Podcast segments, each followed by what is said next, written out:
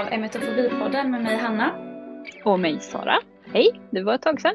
Det var verkligen ett tag sedan. Men vi har ett avsnitt inspelat sedan tidigare precis efter sommaren som vi faktiskt inte har släppt än. Nej. Men det var ett bra avsnitt så jag tänker att vi kanske borde släppa det inom sin tid. Vi, ja, det vore nog bra. Vi har faktiskt. tagit en liten paus för att, eh, ja men det hänger väl främst på mig då, för jag har haft så mycket att göra. Jag pluggar ju eh, mitt sista år dessutom, så att det har varit mycket att göra i skolan och eh, ja, podden har väl kommit lite i kläm för det. Men eh, vi ska Ja. försöka Så länge, den då. ja, och- så länge som vi inte har podden som avlönat jobb så känner jag Precis. att det är helt okej. Verkligen, men vi har väl sagt att vi ska försöka få ut ett avsnitt varannan vecka i alla fall. Och vi hade uppskattat om eh, ni vill komma med förslag på vad ni vill höra. För att ibland är det svårt att veta vad vi ska prata om för att det finns så mycket att prata om men vi vill ju också att ni som lyssnar ska finna intresse i det eller finna det hjälpsamt. Ja, absolut, så är det. Men idag så ska vi prata om hur man kan vara, hur man är kritisk mot sina egna tankar.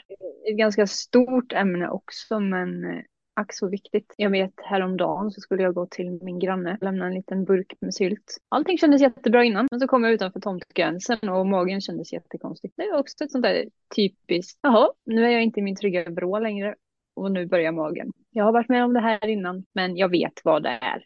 Vad tänkte du, eller vad hände i din tankegång när du kände detta? Kan du bara förklara tankeprocessen? Alltså det, det går ju automatiskt ifrån, oj, min mage känns konstig, kommer jag spy? Mår jag inte lite illa? Hopp, nu fick jag ångest. Det är det automatiska som alltid kommer. Men eh, det är ju inte som att jag vänder. Du fortsätter? Ja, för vi, vi har ju grannar här och de ser ju. Så jag tänker det är ju mer pinsamt att behöva gå fram och tillbaka istället för att bara gå rakt framåt. Så jag fortsatte. Och det lägger ju sig alltid efter en stund. Och du lämnade syltburken eller? Det gjorde jag. Ja, vad bra. Men då skulle man kunna säga att du var kritisk till dina egna tankar och känslor där och då. Ja, men det var jag. Och jag vet ju sen innan liksom att det är så här det blir. När någonting känns otryggt. Sen finns det vissa tillfällen som ja, det inte alls går att resonera med mig själv. Och de dagarna är det bara, alltså då får man liksom välja sin, sin strid nästan. Ja, Eller göra så faktiskt. gott man kan. Ja, För det här med att vara kritisk mot sina tankar, speciellt när man då har eh, alltså spyfobi eller bara fobier generellt. Eh, nu har ju jag bara spyfobi så jag kan ju bara tala från det. Men jag upplever ofta att eh, jag måste vara väldigt kritisk mot mina tankar, speciellt när jag sitter i situationer som är utanför min comfort zone. Mm. För att jag kan må jättebra en hel morgon och allt flyter på jättebra och jag är hemma och jag känner mig trygg. Men så fort jag kliver utanför dörren och börjar gå mot till exempel bussen för jag ska någonstans. Då kan min hjärna bara, ah herregud, nu håller jag på att bli magsjuk. Eller nu kommer jag spy. Eller nu känns det jättekonstigt inom mig för att jag har vänt mitt fokus inåt. Och då börjar jag lyssna på alla de här katastroftankarna som dyker upp i mitt huvud. Och det finns ju två vägar då man kan göra. Antingen så kan man ju lyssna på de här katastroftankarna som väldigt, väldigt sällan stämmer när man faktiskt inte är i en riktig fara. Och då kan man vända om och så kan man gå hem och så kan man sitta i sitt hem och slippa känna den här ångesten. Eh, till, eller ja, tillfälligt i alla fall, det är ju en väldigt kortvarig lösning. Eller Mm. så kan man välja att vara lite kritisk mot de här tankarna och försöka utmana dem lite. Mm. Mm. Det hand, alltså i, I början så kan det handla om till exempel att men jag testar gå fem meter till och så lär jag märka om jag är magsjuk. Eller förstår ni? Alltså så här, man utmanar dem långsamt att till exempel säga, ja men jag går bort till det huset och känns det inte bättre då eller att jag känner att det är katastrof, katastrof, då får jag vända. Mm. Mm. Men ofta så blir ju den gränsen längre och längre för att man visar för eh, varningssystemet att ah, men jag är inte i fara. Och det är ganska okej. Precis, precis. Vi- Det här kan jag ju känna mig lite arg på också ibland. Det här med att möta sina tankar med kritik och man går fem meter längre. Men allting går så jävla långsamt. Vissa dagar kan man gå fem meter till, andra dagar tio meter. Och sen kommer det dagar då man inte ens kommer fram till där du var sist. Det, det blir liksom, vad fan, vad fan gör jag för fel ungefär? Jag tror inte att man Mm. gör någonting fel för att jag tror att det handlar mer om att man är lite för hård mot sig själv. Alltså allt beror ju på förutsättningar. Till exempel, vi säger att ena veckan så går du fem meter, andra veckan går du tio.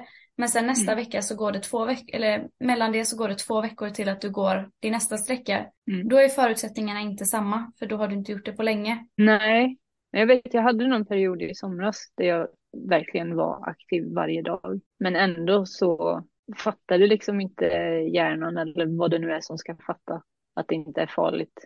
Det, det bara gick inte vissa dagar. Men då undrar jag om du gjorde dina exponeringar rätt. Jag gjorde säkert fel eftersom jag fortfarande sitter här. För att det finns, eh, det, här, det här skulle jag vilja prata om i ett helt avsnitt någon gång i framtiden, men det är liksom skillnad på exponering och exponering. Att mm. ja, man kan göra en exponering. Du kan, eh, du kan gå fem kilometer i skogen till exempel om det är ditt eh, exponeringsmål och går och bara panik, panik, panik. Jag måste få bort ångesten, går och spänner sig, går och tillämpar säkerhetsbeteenden. Eh, försöker distrahera sig. Jag hade ett tag när jag började göra exponering där mitt mål var att gå ett varv runt kvarteret. Mm. Men då varje gång jag gick utanför dörren så fick jag ju ångestpåslag och jag mådde riktigt dåligt. Mm. Men hela tiden så, för att få bort de här känslorna så började jag gå och räkna alfabetet och jag kom på typ en lek att ah, jag ska säga en frukt på varje bokstav och så ska jag se hur långt jag kan komma. Och när jag inte mm. kom längre med frukter då bytte jag till hundraser eller så bytte jag till länder. Alltså jag hade hela tiden det och då undrade jag ständigt varför blir det inte bättre? Jag, jag går ju längre och längre sträckor men det, jag kommer inte framåt kognitivt. Nej. Tills jag insåg att jag gjorde inte exponering ordentligt för jag lät inte mig själv känna en exponering. Jag liksom tryckte undan känslorna som faktiskt ska tillkomma vid en exponering, vilket är skräck, eller det kan vara skräck, det kan vara att man är extremt obekväm, det kan vara att man är helt osäker, att man ska tappa kontrollen, att man ska bli helt galen, alltså det kan vara vilka känslor som helst, det är ett stort spektrum. Men mm. så länge du inte tillåter dig själv att känna dem medan du gör en exponering, då har du inte gjort en en effektiv exponering. Så det du säger nu är egentligen att man inte ska tänka egentligen? Ja och nej. Jag pratar ju från egna erfarenheter men, ja. men jag minns så tydligt när det här klickade för mig, det här konceptet. Eh, och det mm. var, jag var och handlade och jag var handlade, jag är fortfarande handlar varje vecka men på den här tiden då, då eh, var jag och min före detta eh, sambo och handlade. Och varje vecka så var det nästan som att jag sprang genom affären. Vid frukt och gröntavdelningen som är den första man kommer in till, då var ångesten hög. Mm. Sen när man skulle komma till konserverna och köttdelen, det var nästan som att jag sprang genom den. Jag hade liksom en förberedd inköpslista och jag sa alltid till min före detta sambo då så ah vet du vad du ska ha? Okej då kör vi. Och så var det liksom mm. springa där igenom, ta det vi ska ha och sen springa till andra sidan affären närmare utgången. Och det var, och jag undrade hela tiden då de här veckorna, alltså för att det gick många veckor när vi var handlade och det mitt mönster var samma sak. Jag hade alltså hög ångest när jag kom in, högre ångest i mitten och sen när jag gick ut så var jag, hade jag, stod jag där med andan i halsen och hög puls och bara väntade på att kortköpet skulle gå igenom så jag kunde springa ut eh, ur affären. Mm, och mm, mm. då fanns det ett tag när jag var väldigt frustrerad och tänkte, jag fattar inte. Jag gör ju mina exponeringar varje vecka. Jag är i mm. affären precis varje vecka, men det blir inte lättare. Det blir nästan svårare varje vecka. Och jag mm. kunde liksom inte förstå för att för mig då innebar exponering att ja, så länge jag är i affären så gör jag min exponering. Och ja, per definition, du är på ett ställe du inte är bekväm på så att absolut, det är en exponering. Men mycket av exponering är kognitivt. Det är därför mm. man oftast går i KBT, kognitiv beteendeterapi, för att man vill ändra den kognitiva aspekten. Mm. Och för mig, det enda sättet att göra det, det var att mer eller mindre infinna mig i att jag kommer må skitdåligt i affären och jag är somewhat okej okay med det. Det är sjukt intressant och eh, som du sa, vi får ta ett helt avsnitt av det. Mm, för det var, det var liksom ett specifikt tillfälle jag minns så tydligt. Det var när vi stod vid frukt och gröntavdelningen och jag kände nu är det dags att springa och ta allt annat i hela butiken så vi kan dra härifrån för att jag är obekväm, mm. jag mår illa. Jag kunde liksom inte ens titta, jag kunde, min eh, för detta sambo då sa så ah, vilket bröd vill du ha? Jag bara nej nej, visa inte brödet till mig, jag kommer spy rätt ut för att jag blev äcklad för jag mådde ja. så illa. Och så tänkte jag så här, nej nu måste jag snöa mig på. Men där klickade det så här, men vänta, jag har gjort det här i flera veckor nu och jag mår fortfarande skitdåligt. Det kan inte bero på affären, det måste vara någonting annat. Mm. Så där testade jag mig. Jag bestämde mig där då att vara så här. Okej, okay, men nu vill jag ha den värsta panikångestattacken jag haft i hela mitt liv mitt i affären för att se vad som händer. Om det så innebär att jag behöver spy på golvet i affären, då får mm. det vara så. För att det var min värsta rädsla då. Mm. Eh, och jag bestämde mig för så här, nu är jag helt okej okay med att vara obekväm. Bring it on. Jag vill, vara, jag vill se hur obekväm jag kan bli innan jag svimmar, spyr eller vad det nu skulle krävas liksom. Och någonstans där när jag bestämde mig för att nu ska jag gå obekvämt långsamt genom affären. Jag ska titta på saken, jag ska låta min sambo välja det han faktiskt vill ha och liksom gå runt och bara ta det lugnt. Så lugnt mm. man kan göra när man har panik. Mm. Mm. Därefter var det först det började klicka för mig hur man gör en exponering. Mm. För jag märkte att varje gång jag var i affären och fick det här, nu måste jag springa, som jag ofta får när jag får panik, jag måste ta mig härifrån. Så testade jag att sakta ner istället och göra precis tvärt emot. Och det är först då mina exponeringar har blivit kvalitativa och faktiskt funkat. Intressant faktiskt att du säger det, för det var för några veckor sedan. Jag sa nog det till dig och jag skrev nog till och med ett inlägg i gruppen om att jag fick hämta min eh, man i bilen. Jag kör inte bil eh, jätteofta eh, längre för det innefattar panikångest, illamående och så vidare. Men jag mötte honom och jag, han gick så långsamt. Alltså, det, jag har aldrig sett honom gå så långsamt någonsin, men han gjorde ju inte det. Så jag började ju veva så här med armen, bara skynda dig. Och han började ju springa och bara, vad är det, vad är det? Ja, men jag ville bara åka härifrån. så det blev liksom, det blev så tydligt nu när du sa det att det var, det var en exponering fast det, det var ju på ett fel sätt. För jag skulle ju bara ha suttit där och, och väntat. För han gick ju precis som en vanlig människa. Det är det som är så svårt att så här, det finns någonting fint i att göra det långsamt för att ofta då som jag upplever som har panikångest och spyfobi är att jag lever mitt liv i sån stress hela tiden. Och kanske inte mm. fysisk stress, men mental stress. Framför allt att allt, får jag panik så måste jag bort från situationen nu, nu, nu, nu, nu. Yeah. Men det är ju för att det är det instinktiva att skulle det brinna i ett hus, det är, samma, det är precis samma funktion i kroppen. Mm. Då behöver jag ju ta mig därifrån nu, för att annars kommer jag brinna inne. Mm. Men när det inte finns ett riktigt hot, när jag går på ett köpcentrum och jag får den här vågen av panik, att då testa att bara så här, nej men vad händer om jag inte springer härifrån? Vad händer om jag faktiskt går obekvämt långsamt? Mm. Kommer det hända någonting då? Men det är att våga kasta sig över det stupet eller vad man nu ska säga. Och det, även där skulle jag säga att det har väldigt mycket med att vara kritisk mot sina egna instinkter och tankar.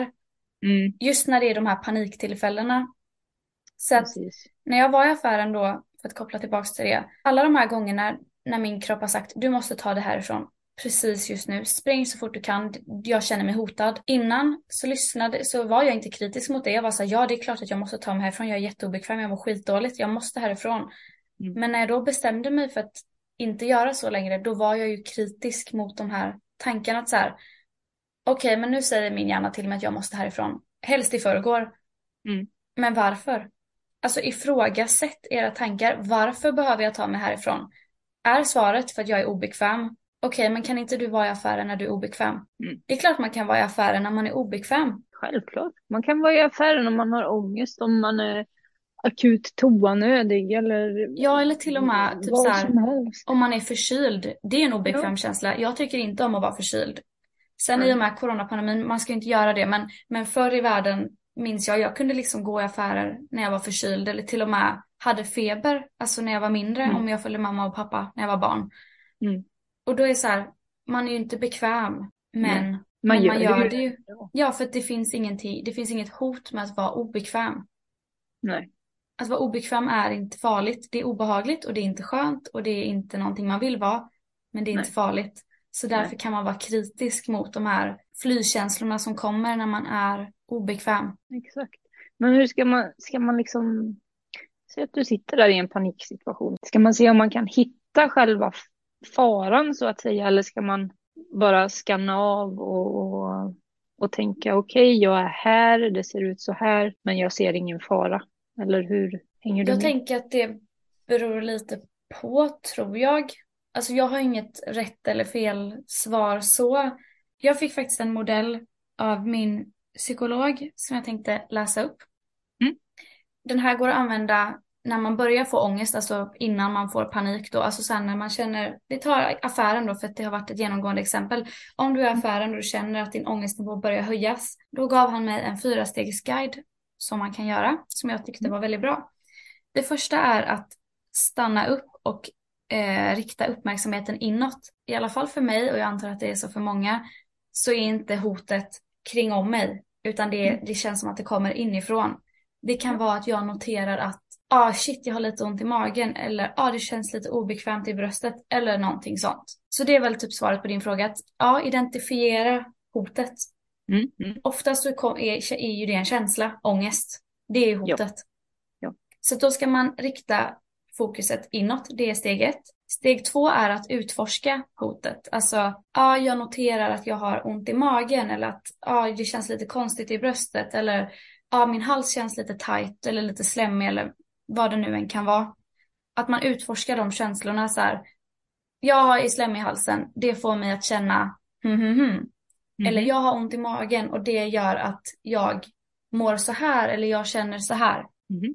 Steg tre är medlidande för att vi känner ändå de här känslorna och vi ska inte trycka ner oss själva för att vi känner dem. Med det sagt så här, att göra den här metoden att ah, jag har ont i magen, ah, skitsamma, bara vifta bort det. Det kommer inte funka.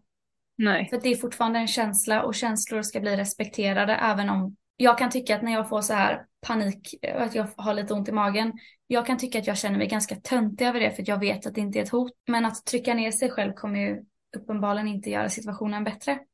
Nej. Så därför är steget medlidande och då förklarade han det som att vad kan jag göra för mig själv just nu för att det ska kännas bättre? Mm. Och i det fallet tycker jag att man kan vara kritisk för att om man frågar sin panik, vad kan jag göra för att du ska må bättre? Då kommer paniken bara, spring härifrån. Ja. Men det är inte paniken du vill tillfredsställa, det är vad är bra för mig, hela jag, på lång sikt Just som det. är medlidande. Så här, jag noterar att ja, det känns jätteobehagligt i min mage. Det får mig känna mig panikslagen, ångestfylld och rädd. Okej, jag hör, jag ser det. Vad behöver jag göra för mig själv för att det här ska kännas bättre? Kan det vara att jag behöver stanna upp i affären och bara ta några djupa andetag? Mhm. Kan det vara att jag behöver ge mig själv en klapp på axeln och säga, vet du vad, det kommer gå bra, du klarar det här. Det kan vara peptalk, det kan vara vad som helst. Mm. Att bara stanna upp och, eller till och med säga så här. Vet du vad, jag känner att jag har ont i magen och det är helt okej att vara obekväm. Bara det kan vara medlidande så att man är snäll mot sig själv. Exakt. Och sen det sista och fjärde steget är vad behöver jag? Och då är det att man ska styra uppmärksamheten utåt istället. Mm. Då har man liksom, för då har du gått igenom hela den här processen att jag vet hur jag känner inombords nu. Det får mig att känna mig dålig. Men jag, jag har sympati för mig själv och det är okej att må dåligt. Men vad ska jag göra härnäst? Mm. Och ofta då så är det inte bra att stanna kvar i det här inåt. För att det kan spirala hur långt som helst. Det, det kommer ofta ett stopp där. Vad mer kan man göra efter man har gjort de tre första stegen? Står jag i affären? Vad behöver jag göra härnäst? Jo, jag har noterat allt det här så nu kan jag fortsätta handla. För jag har sagt till mig själv att det är okej att vara obekväm och jag har accepterat det. Jag har noterat vad som känns konstigt i min kropp och jag har stannat upp.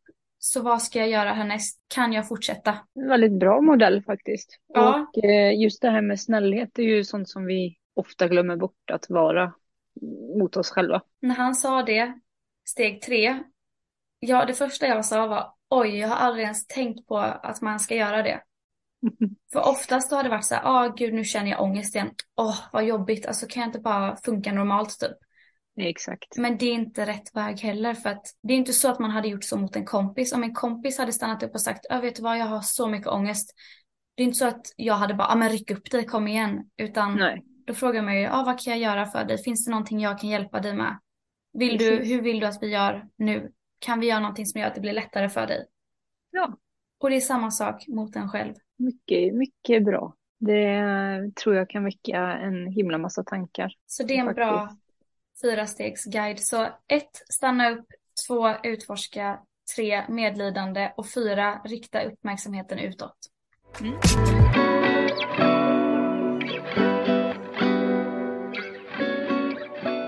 Nej, det är ju som sagt väldigt viktigt att vara kritisk i sitt eh, tillfrisknande kan vi väl kalla det för. Verkligen. Bara det att komma till den punkten där man vill bli, inom citattecken, frisk eller Mm. bli av med sin fobi. Det är att vara väldigt kritisk mot sina tankar också. Mm. För att ofta är ju fobin, hur konstigt den låter, och ångest en trygghet om man är van med att ha haft det länge. Precis. Och att då våga gå emot det och vara så här, nej fast jag förtjänar att leva ett liv där jag inte behöver må dåligt. Jag förtjänar det. Det är att vara kritisk mot den här ångesten med sig, som är nästan som ett skyddsskal som är såhär, nej, jag håller dig trygg. Mm. Fastän Ja, den men inte gör det. Det blir ju en, en snuttefilt. Och när ångesten inte är där vid något tillfälle så känner man sig vilsen. Och sen är det också att, att hela tiden komma ihåg att vara, när jag säger kritisk, då menar inte jag att vara hård mot sig själv eller att vara elak eller att pressa sig själv ut över gränser som man inte kan. När jag säger att man ska vara kritisk, då pratar jag endast kritisk mot fobin eller ångest. I Mm. hela, liksom, för att bli bättre så måste man konstant vara lite kritisk. Att så här, ja men jag har fortfarande ett säkerhetsbeteende att jag känner att jag behöver med mig tuggummi överallt. Mm. Och då kan jag vara kritisk mot det för nu har jag kommit så pass långt i min alltså recovery att jag egentligen inte kanske borde ha med det överhuvudtaget för jag behöver inte det. Nej. Men ändå har jag det så då kanske jag ska vara lite mer kritisk att så här, varför har du med dem? Är det för att du känner att du behöver tuggummi av vilken anledning man nu skulle behöva det? Eller är det för att det är min snuttefilt? Mm, mm, Och för min del precis. det är min snuttefilt. Ja, det finns mycket. Alltså tuggummi i vatten, det kan vara en sån här fidget spinner eller Ja, Vad vad som som helst. Och likadant att, att hela tiden vara kritisk, att utmana sig själv framåt. mm, För det blir ju lätt så här, ja men vi säger att jag har vant mig med att eh, åka buss en, en sträcka nu. Den sträckan känns okej. Om jag känner mig nöjd med den då, då måste jag ju vara kritisk och tänka så här, okej men finns det någonting jag faktiskt fortfarande tycker är jobbigt? Kan jag jobba på det på något sätt? mm. Men det är ju en gradvis process, man kan inte, göra, man kan inte flytta berg på en dag eller vad man nu säger, utan, Nej, eller bestiga det- berg. Man får göra det i etapper och långsamt. Exakt, exakt. Och du har ju ganska många bussar att välja på också. Ja, jo jag har ju det.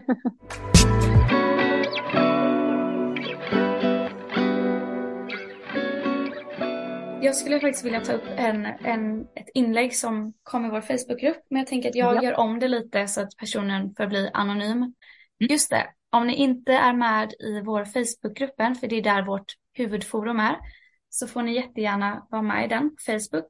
Den heter emetofobi slash psykisk ohälsa, positivt tänkande och pepp. Vi har precis blivit 100 medlemmar i den. Åh, vad roligt. Ja, och vi har snart haft den i ett år. Typ om en månad exakt så firar vi ett års jubileum. Åh, Eh, hur ska så vi fira detta? jag vet inte, vi får tänka på det, vi får fråga dem i gruppen. Men det jag tycker vi har en jättebra grupp, vi har ett jättefint community. Mm. Så att om ni inte är med i den, eh, ansök. Men besvara frågorna för att annars så kommer ni inte få Ja. vara med. Nej.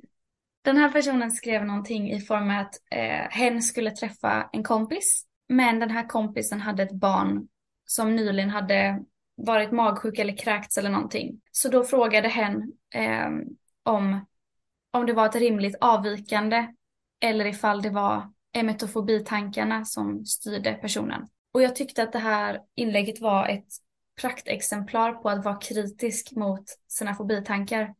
Absolut. Personen som skrev det här, jag är djupt imponerad över att, att, att du kunde ta ett sånt steg tillbaks liksom.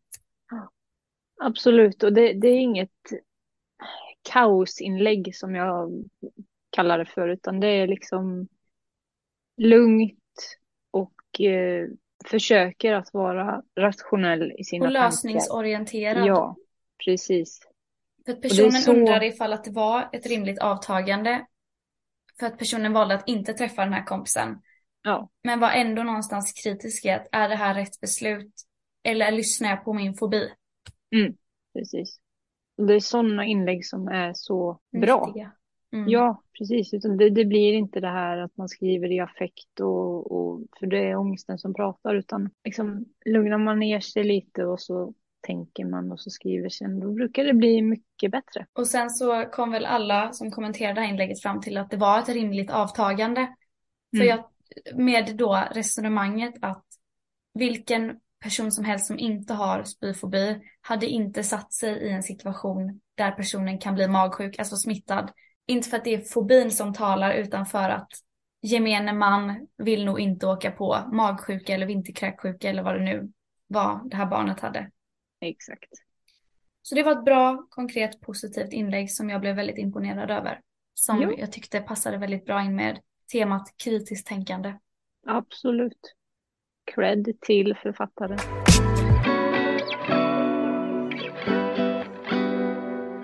Nej, vad säger du, ska vi avrunda för idag? Ja, jag tror vi har fått med eh, ganska mycket och eh, som vanligt igen, har ni kommentarer, åsikter, positiv eller negativ feedback, skriv gärna en liten rad. Jättegärna. Gå med i vår Facebookgrupp och glöm inte att ni kan betygsätta vår podcast på Apple, Spotify eller alla forum där vår podd nu finns. Ja. Det går att betygsätta den. Precis. Och det är väl också viktigt att säga att vår grupp, vi håller oss inte enbart till emetofobi såklart. Nej, det vi tar är upp högt och lågt i den. Ja, det är det. Ja, men återigen, besvara frågorna, annars så kommer jag avvisa er med en notering om att ni måste besvara frågorna. Och, och detta blir... är för att vi vill ha aktiva medlemmar. Ja, och livet blir mycket lättare för alla om ni bara skriver svar på frågor. De är inte så långa. Nej. Men eh, då säger vi så för den här veckan så hörs vi om två veckor blir det. Om två veckor blir det. Två veckor. Precis, toppen. Ja. Tack för idag. Tack för att ni har lyssnat. Ta hand om er. Hej svejs. Hej.